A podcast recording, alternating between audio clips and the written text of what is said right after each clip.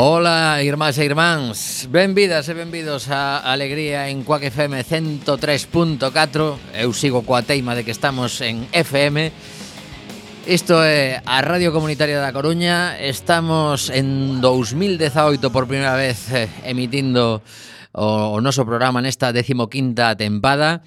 Eh, 2018 chega nevado Chega con circo mediático ao redor do asasinato de Diana Kerr chega con Quack FM ameazada de sanción e con moitas persoas pasando frío nas súas casas, non o esquezamos, porque isto do problema da economía vai para longo. Chega tamén o 2018 con 55 millóns de persoas refugiadas e recoñecidas como tal en moitos lugares do mundo. E pese a todo iso chega alegría. Temos a Roberto Catoira nos mandos técnicos eh, arrancando esta, esta nova andaina. Sempre que chega un ano novo, pois pues hai que re recordar que estamos no estudio José Couso na Zapateira eh, imos contar un montón de cousas. Quédate en Cuac FM.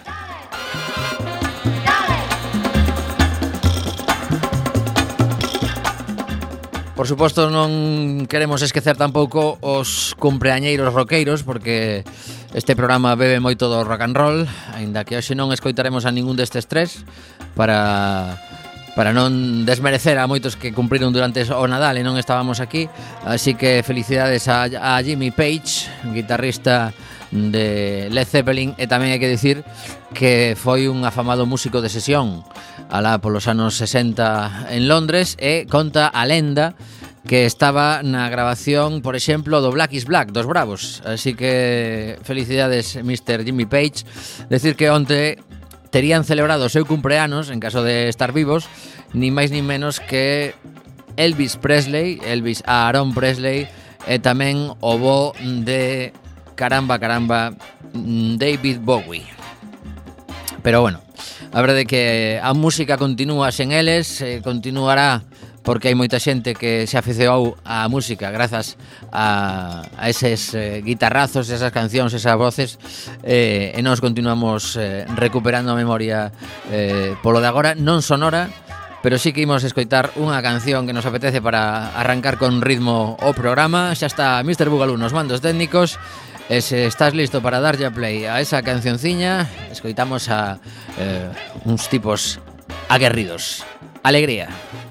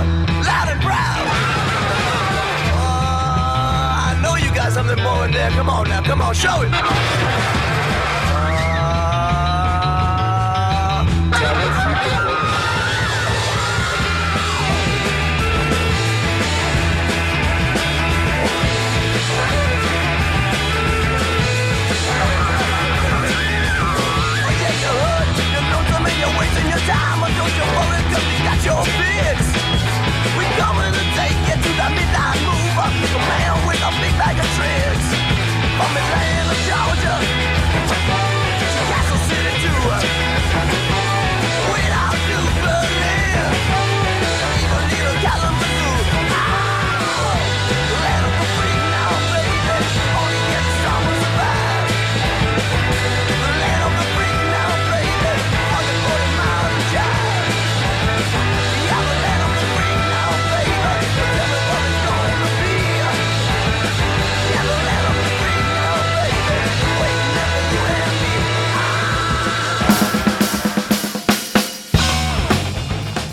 Seis, eh, e 10 minutos xa Estás a, a martes. Ao mellor ti nos estás coitando noutro momento. Pero para nós é martes 9 de xaneiro eh, Mr. Bugalú xa está preparado para comentarnos Que tal lle foron estas vacacións Ou o que foxen para el. Que, que vacacións. Vale, correcto. Eh, Sí, hai unha cousa que se chama vacacións Que algunhas persoas celebran durante determinadas épocas do ano, en concreto, pois no Nadal hai bastantes que se xuntan e teñen aí días libres. Eu tuve un, tiven un par de ceas, pero vacacións, vacacións... Bueno, pois eh, ao marxe das vacacións eh, podemos comentar que durante os pasados días soubemos que o bo de Alberto Núñez Feijó, que é un tipo, pois que xa sabemos que tira de chequeira cando fai falla, porque por cartos non vai ser, aportou, imos de chamar aportar aos medios de comunicación, a uns cantos que lle pareceron correctos a él, de máxima difusión, 77.000 euros pagados cos nosos impostos, por suposto, os impostos das galegas e dos galegos, para eh, publicar esa maravillosa declaración institucional que fixo ao fío da vaga de incendios que vivimos no pasado mes de novembro. En concreto, o que facía este documento que apareceu nuns cantos xornais, En concreto o o 17, non, foi en, foi en outubro, non en novembro. Bueno, pois eh, pagoulle a, a todos estes eh, xornais, como vos digo, entre os que están pois La Voz de Galicia, ABC, etcétera, pois o documento Galicia con las víctimas, Galicia contra el terrorismo incendiario, el Galicia. Salto, Praza Pública, seguro que tamén. Seguramente. Eh, Galicia con los equipos de extinción. Ou non. Eh, pois a ver, a ver se atopo por aquí o documento exacto onde está o listado do que se lle pagou a cada un, porque apareceu aquí. 77.000 por cada por No, no, no, en total, en total. Ah, en total. En total. Sí, sí. Pero un segundiño que che digo Pero agora non mesmo... deixa de ser unha peciña, non? O sea, é como pouca cousa. A ver, pouca cousa, pois pues, eh, sempre é un tema relativo, porque es que estou buscando porque o documento Quero dicir, chollo non daba, que xa estaba, xa viña redactado da casa, non? Ah, non, o sea... pero se pagaron 2000 e pico euros de maquetación.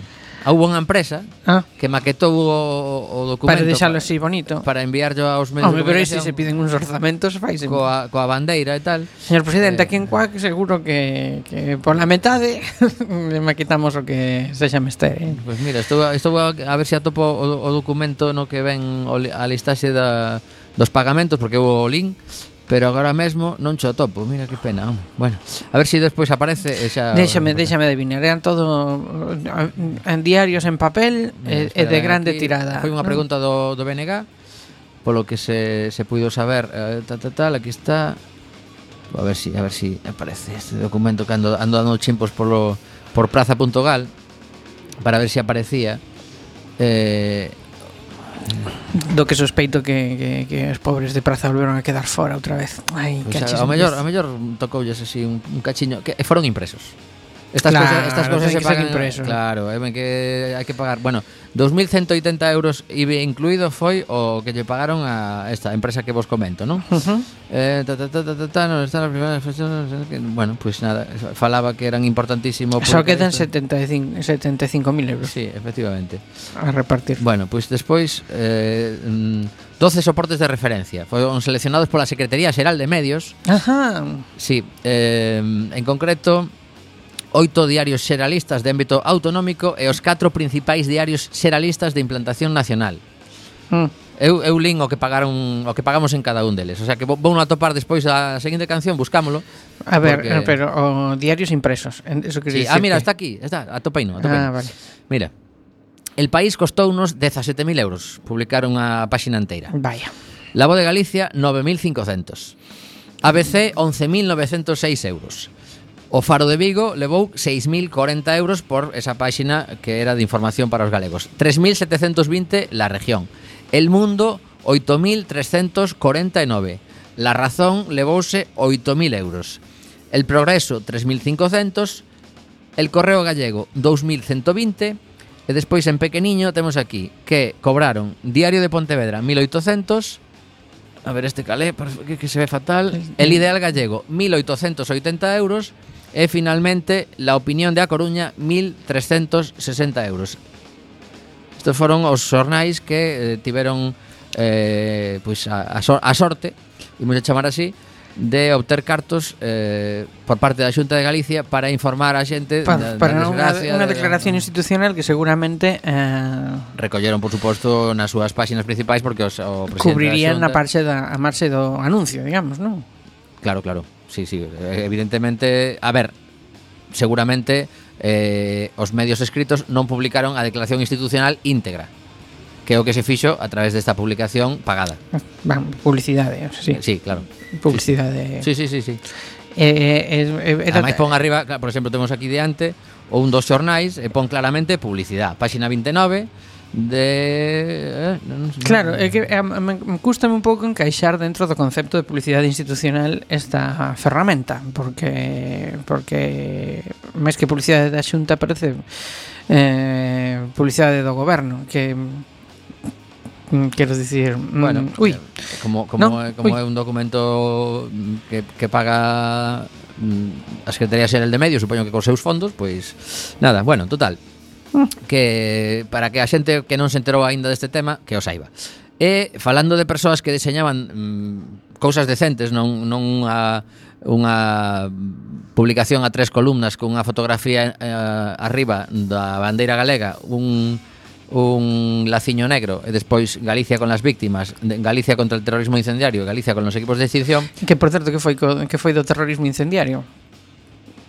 Ah, que, ca, ca, canta xente detida Nin esta nin se lle espera, non? O terrorismo incendiario. Bueno, estarán buscando. Estarán mm. buscando coa mesma intensidade que buscaron Que nos a, últimos chorrocentos anos A un, a un asasiño que todos temos agora mesmo na mente. Ben, pois o que quería eu facer referencia hoxe Era unha persoa que realmente sí que amaba Galicia Que, que traballou arreo por ela E que o pasado día 5 de xaneiro eh, Facía cinco anos que morría Isaac Díaz Pardo eh, buscando en YouTube podedes atopar moitísimos documentos eh, sonoros e eh, de vídeo mm, pois con entrevistas, eh, con documentais, con extractos.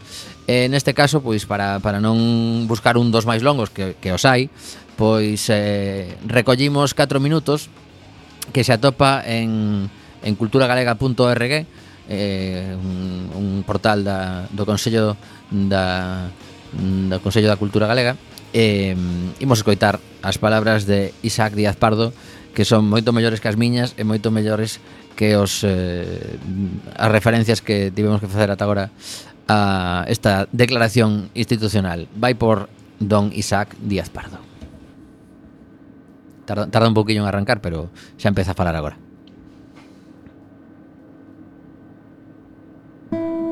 Eu son un vello de 80 anos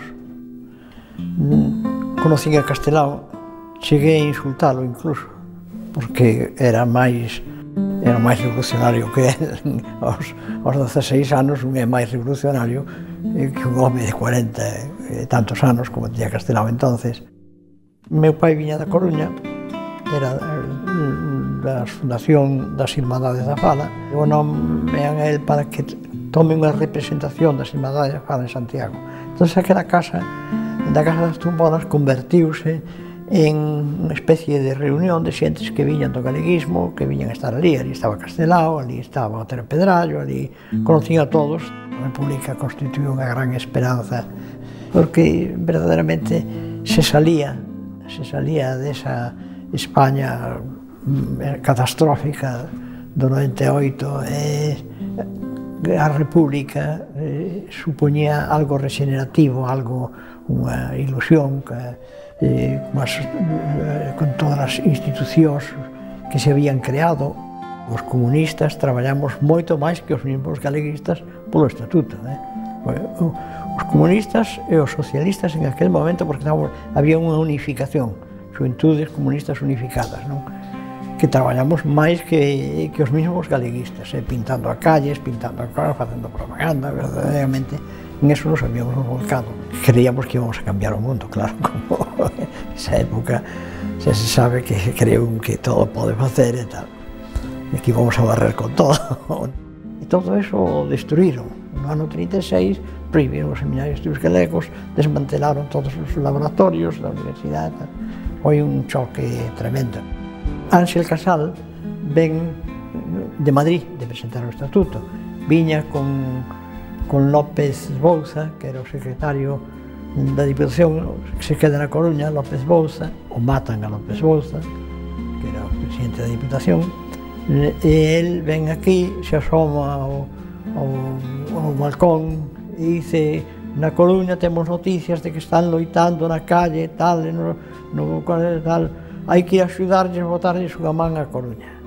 Cando chegamos a la Coruña nun castromil, nun castromil aquelo, pois, eh, xa estaban na estación os militares, eh, estaban barrendo con ametralladoras, todas as cosas. Non, non había nada que facer. Despois os tíos da Coruña viñeron a, viñeron a, a decirnos que, bueno, non os quedes ao vosso pai porque o, o mataron. cousa, pareceu alá por, por, por Palas de Rei, por un, cousa, tía, unha cuneta, iso era o, o paseo. Dicir, o sacaban de poñen en libertad, estaban os falanxistas foros, collían falanxistas e outros. Collían, tal, puñen en libertad, eso lle chamaban dar un paseo, claro, que era unha diferencia do que é un fusilamento, non? Eu salvei a miña vida escondéndome. Tuve seis meses na casa dun tío meu en na Coruña, sin salir dali. E, eh, e bueno, logo despois a vida. A vida continuou terminada a guerra, pois, pois eh, eh, fun, me fun para Madrid, estudiei Bellas Artes ali, despois, claro, non se sabía, verdade, non nos enterábamos de, da, da pobreza intelectual que estábamos padecendo ali. Terminada a guerra, a Segunda Guerra Mundial, no 46, eu pude salir fora, pude salir fora a, a Londres. Toda a cultura verdadeiramente se foi ao exilio, se foi ao exilio toda a cultura importante de España se foi e morreu no exilio, que este é o grave. Isto é unha, unha historia moi negra, non? Pero non hai outra e un vai, a, vai se van acabando os anos de vida e non temos outra cosa que facer, aguantar, nada máis.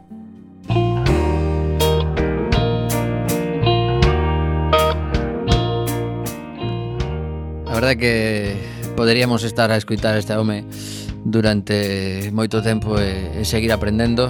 Eh, foi unha mágoa que que falecese eh, bueno, polo menos quedan moitísimas obras súas, moitísimos documentos o que sí que é certo que foi eh, unha última etapa da vida mm, pois non moi agradable por todo o que sucedeu en torno a, a Sargadelos eh, Oiz e bueno eh, cosas desas de que xa entra, entran moitos temas de negocios e eh, eh, ímolo deixar polo de agora Don Isaac Díaz Pardo.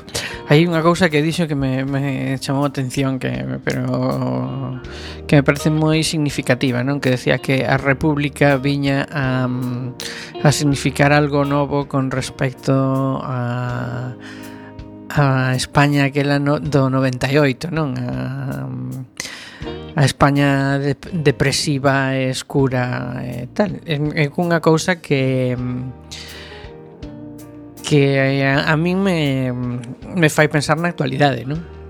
Porque a España de agora se semella moito a, a de antes da República, non? É, é un pouco un estado así de de, de pesar permanente eh, eh volvendo unha e outra vez sobre sobre un asunto bastante endogámico e estéril que, que non acaba de de, de achegar nada a, a xente que vive nesta esquina do mapa, non? Uh -huh. Non somente Galicia, digo, todo o resto da, da península que non é Portugal, que é a dichosa idea de España, non? A idea de España que volve unha e outra vez, que, que como é, que como se define, que como é, tal é un, un razoamento autocontido e autorreferencial, é un pouco claustrofóbico e que nos acaba sumindo nunha melancolía política que non, non leva nada bo, así en principio.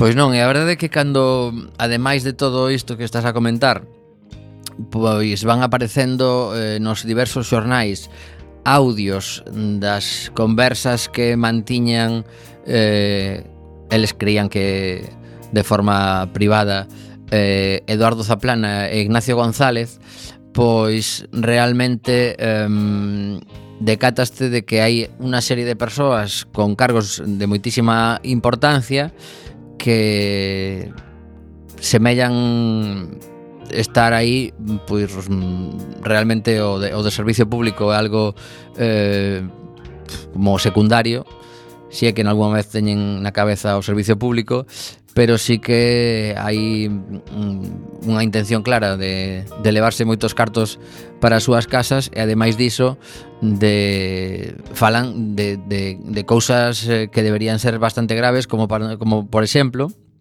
cando eh, Eduardo Zaplana dille a, a Ignacio González exactamente a ver un momento que se me acaba de ir o documento me caches na mar. Ando sempre dando champos dun lado para, chimpos dun lado para outro eh, a Rita Barberá pois dinlle unhas cousas eh, bastante curiosas Zaplana Rita era un bluff absoluto que tenía cinco alrededor que le hacían las cosas y la gestión. Ella iba, se reía, se tomaban whisky con alguno que eso lo hacía como Dios y nada más. Outra das frases eh, fantásticas é Mariano non la puede ni ver. Mariano es que la odiaba. Pero ya sabes como es Mariano. Si en un momento le interesaba, que esta siga.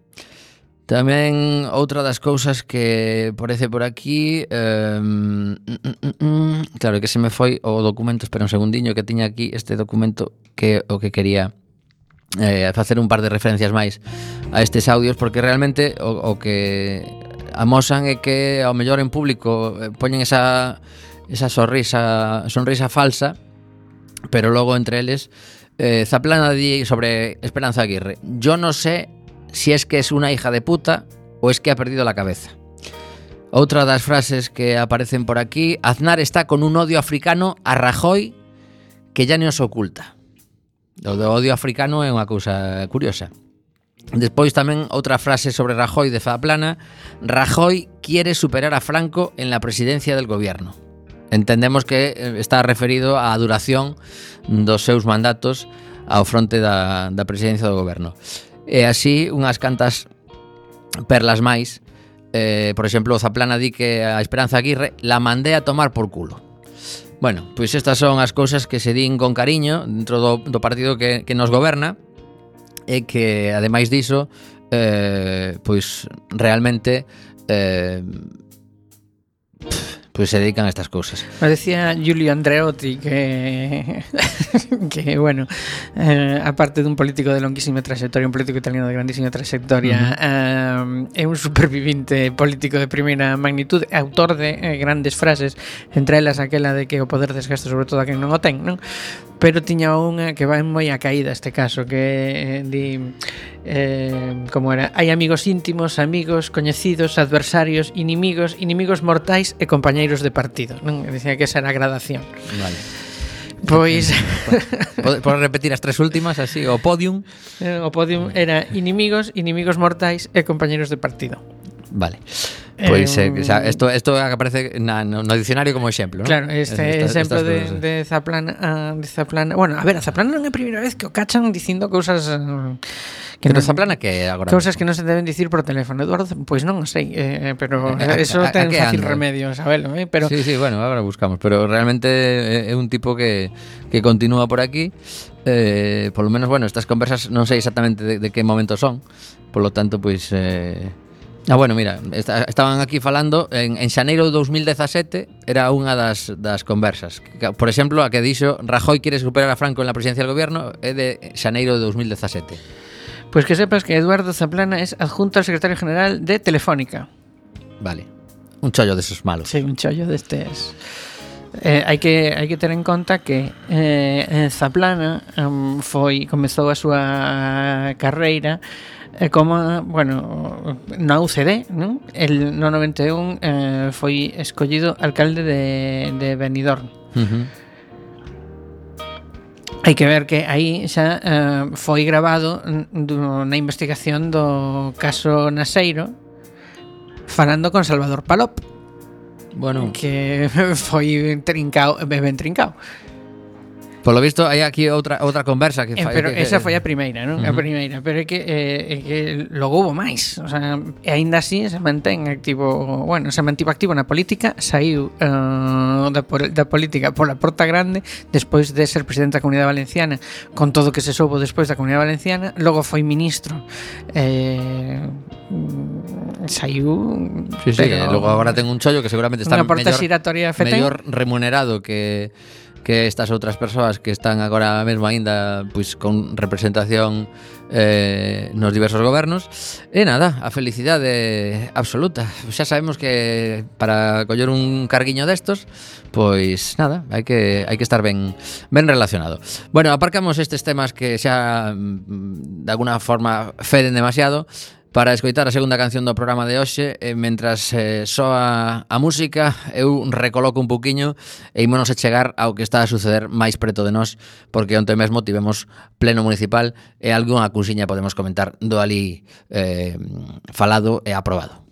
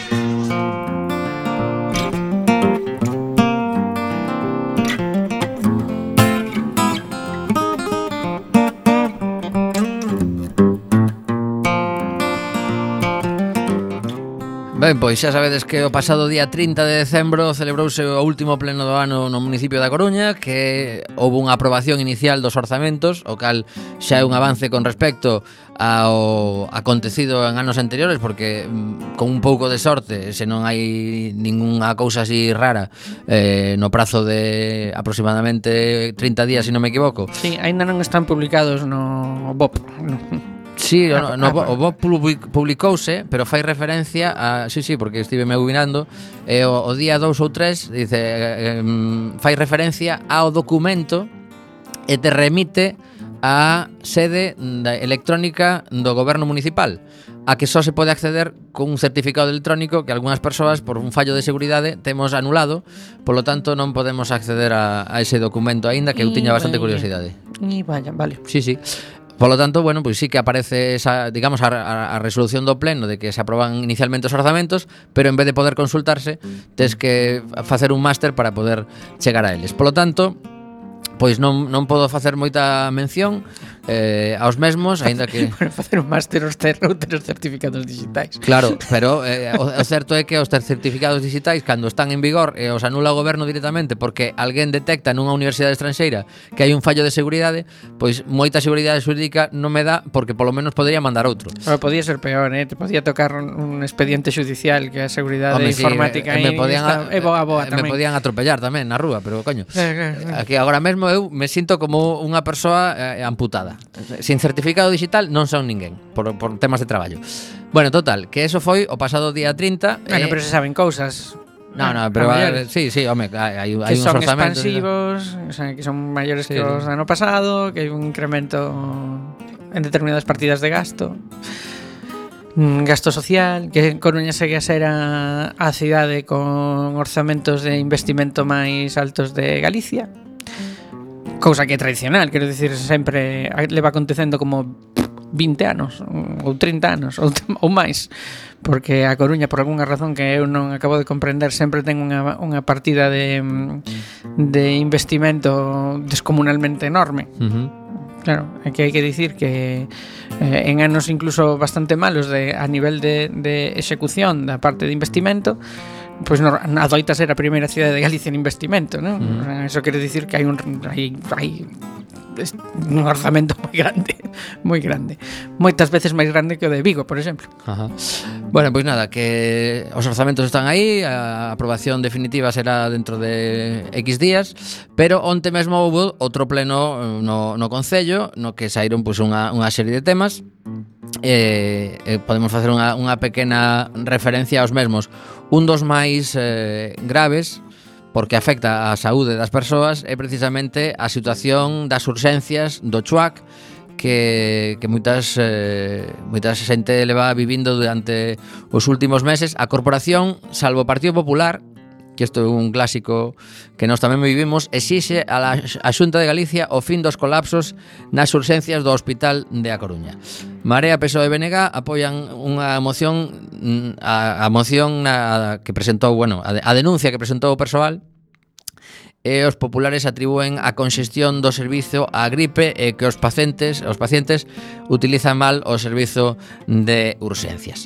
Bueno, pois eh, ao mellor pois unha das funcións tamén por parte da consellería correspondente é mm, facer unha campaña institucional, igual que gastaron os 77.000 euros para mm, para decirlle á cidadanía que estaban en contra do, desa, mm, dese terrorismo incendiario, pois eh, que que tiñamos un, un problema mm, nas urgencias e que había que utilizar de outro xeito ese servizo. O certo é que a situación é realmente grave eh, bueno, pois no meu caso a miña familia tivo a, a mala sorte de ter que levar a, a miña boa en decembro e eh, estivo ali un montón de horas tamén nunha situación bastante penosa eh, realmente deberíamos eh, facer un esforzo como sociedade para que os hospitais estean dotados dos recursos que precisan tanto humanos como de espazo e, e bueno, e técnicos tamén. Isto foi unha das cousas que, que se falou e se aprobou onte no, no Pleno Municipal.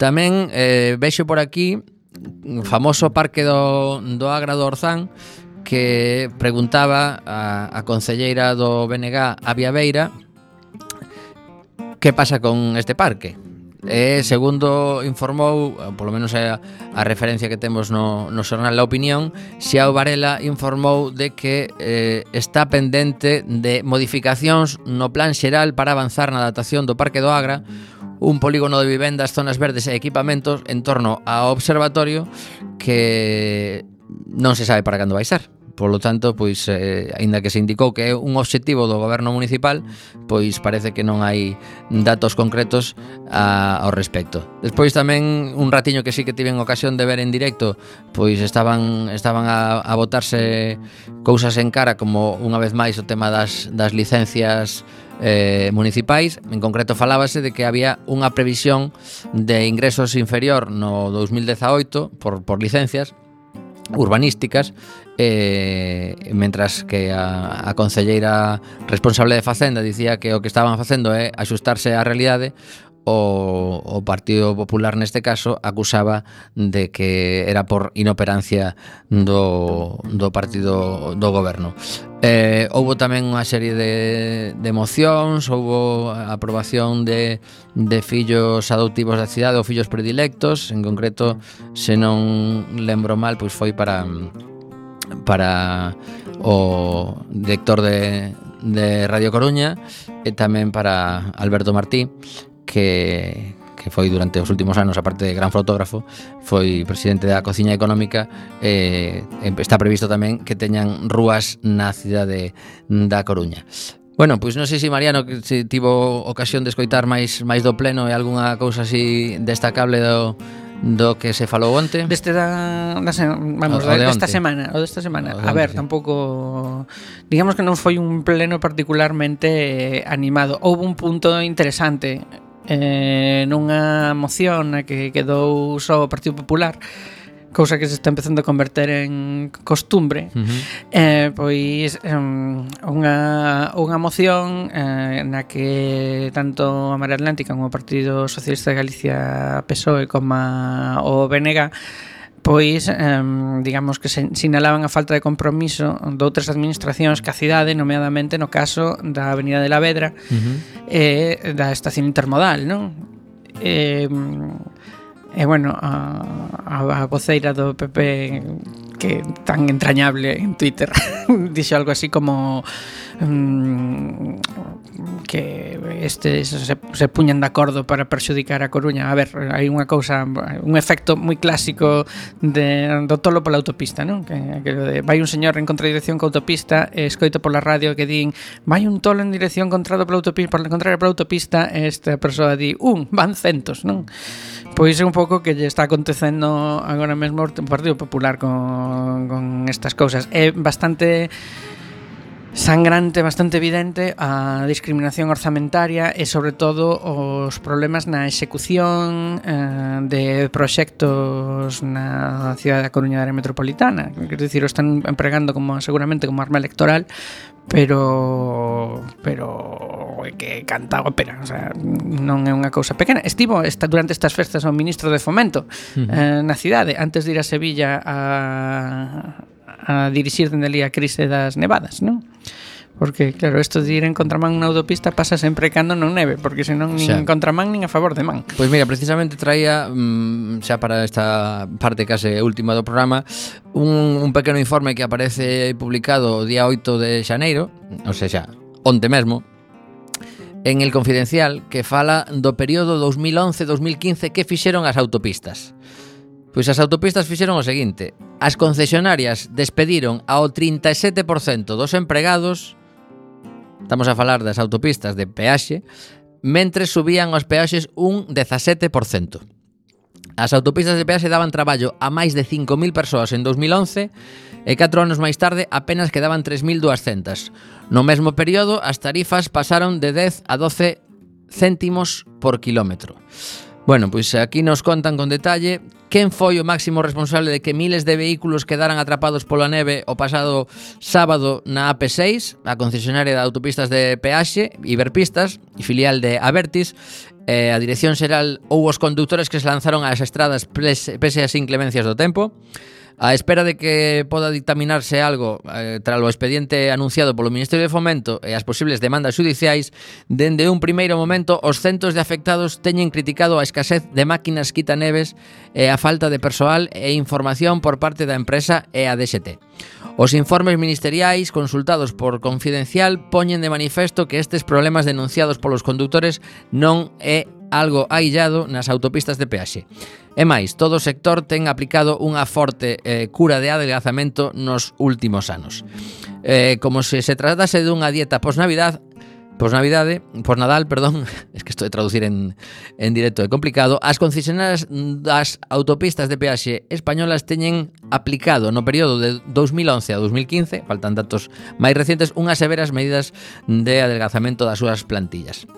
Nestes 4 anos, o sector pasou de empregar a máis de 5.100 persoas ás apenas 3.200 da actualidade, isto que cada vez vemos que, que quedan menos eh, eso que pon eh, peaxe fácil pois evidentemente eh, fácil é reducir os custes salarais destas empresas que o único que fan é facturar ao tolo pero que moitas veces teñen difícil facerlle a competencia.